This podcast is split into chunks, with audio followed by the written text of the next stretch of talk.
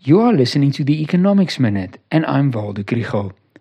Last week, Statistics South Africa released the manufacturing and mining sector's production and sales figures for September. Compared to September last year and compared to August this year, production was lower. It's attributed to the usual suspects of load shedding, Transnet's logistical bottlenecks, and the weak demand from China. However, this is not just more bad news. These monthly indicators have an important place in the bigger picture.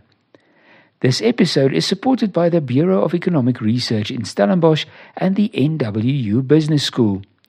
Firstly, it helps to piece together the picture of what the third quarter's gross domestic product looks like. Recall that economists are predicting very low but at least positive economic growth for this year. A contraction in the third quarter could bring those forecasts into doubt. Also, the GDP growth figure is used for in a lot of other important places.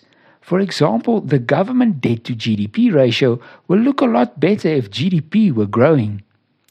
Every piece of economic data is also what the Reserve Bank uses for their next repo rate decision. Their target is inflation, but their aim is to set the repo rate so that it is neutral. In other words, that it neither stimulates nor causes a contraction of the economy and keeps inflation within the target band. It is therefore important for them to know how consumers and producers are doing. At the moment, the demand side of the economy is weak and the production side is struggling. For this reason, the coming weeks' September retail and wholesale figures are also important. They help us look back towards the third quarter, but forward to the repo rate decision. The results of the third quarter's labor force survey are also released this week, and October CPI figures on November 22, 22nd.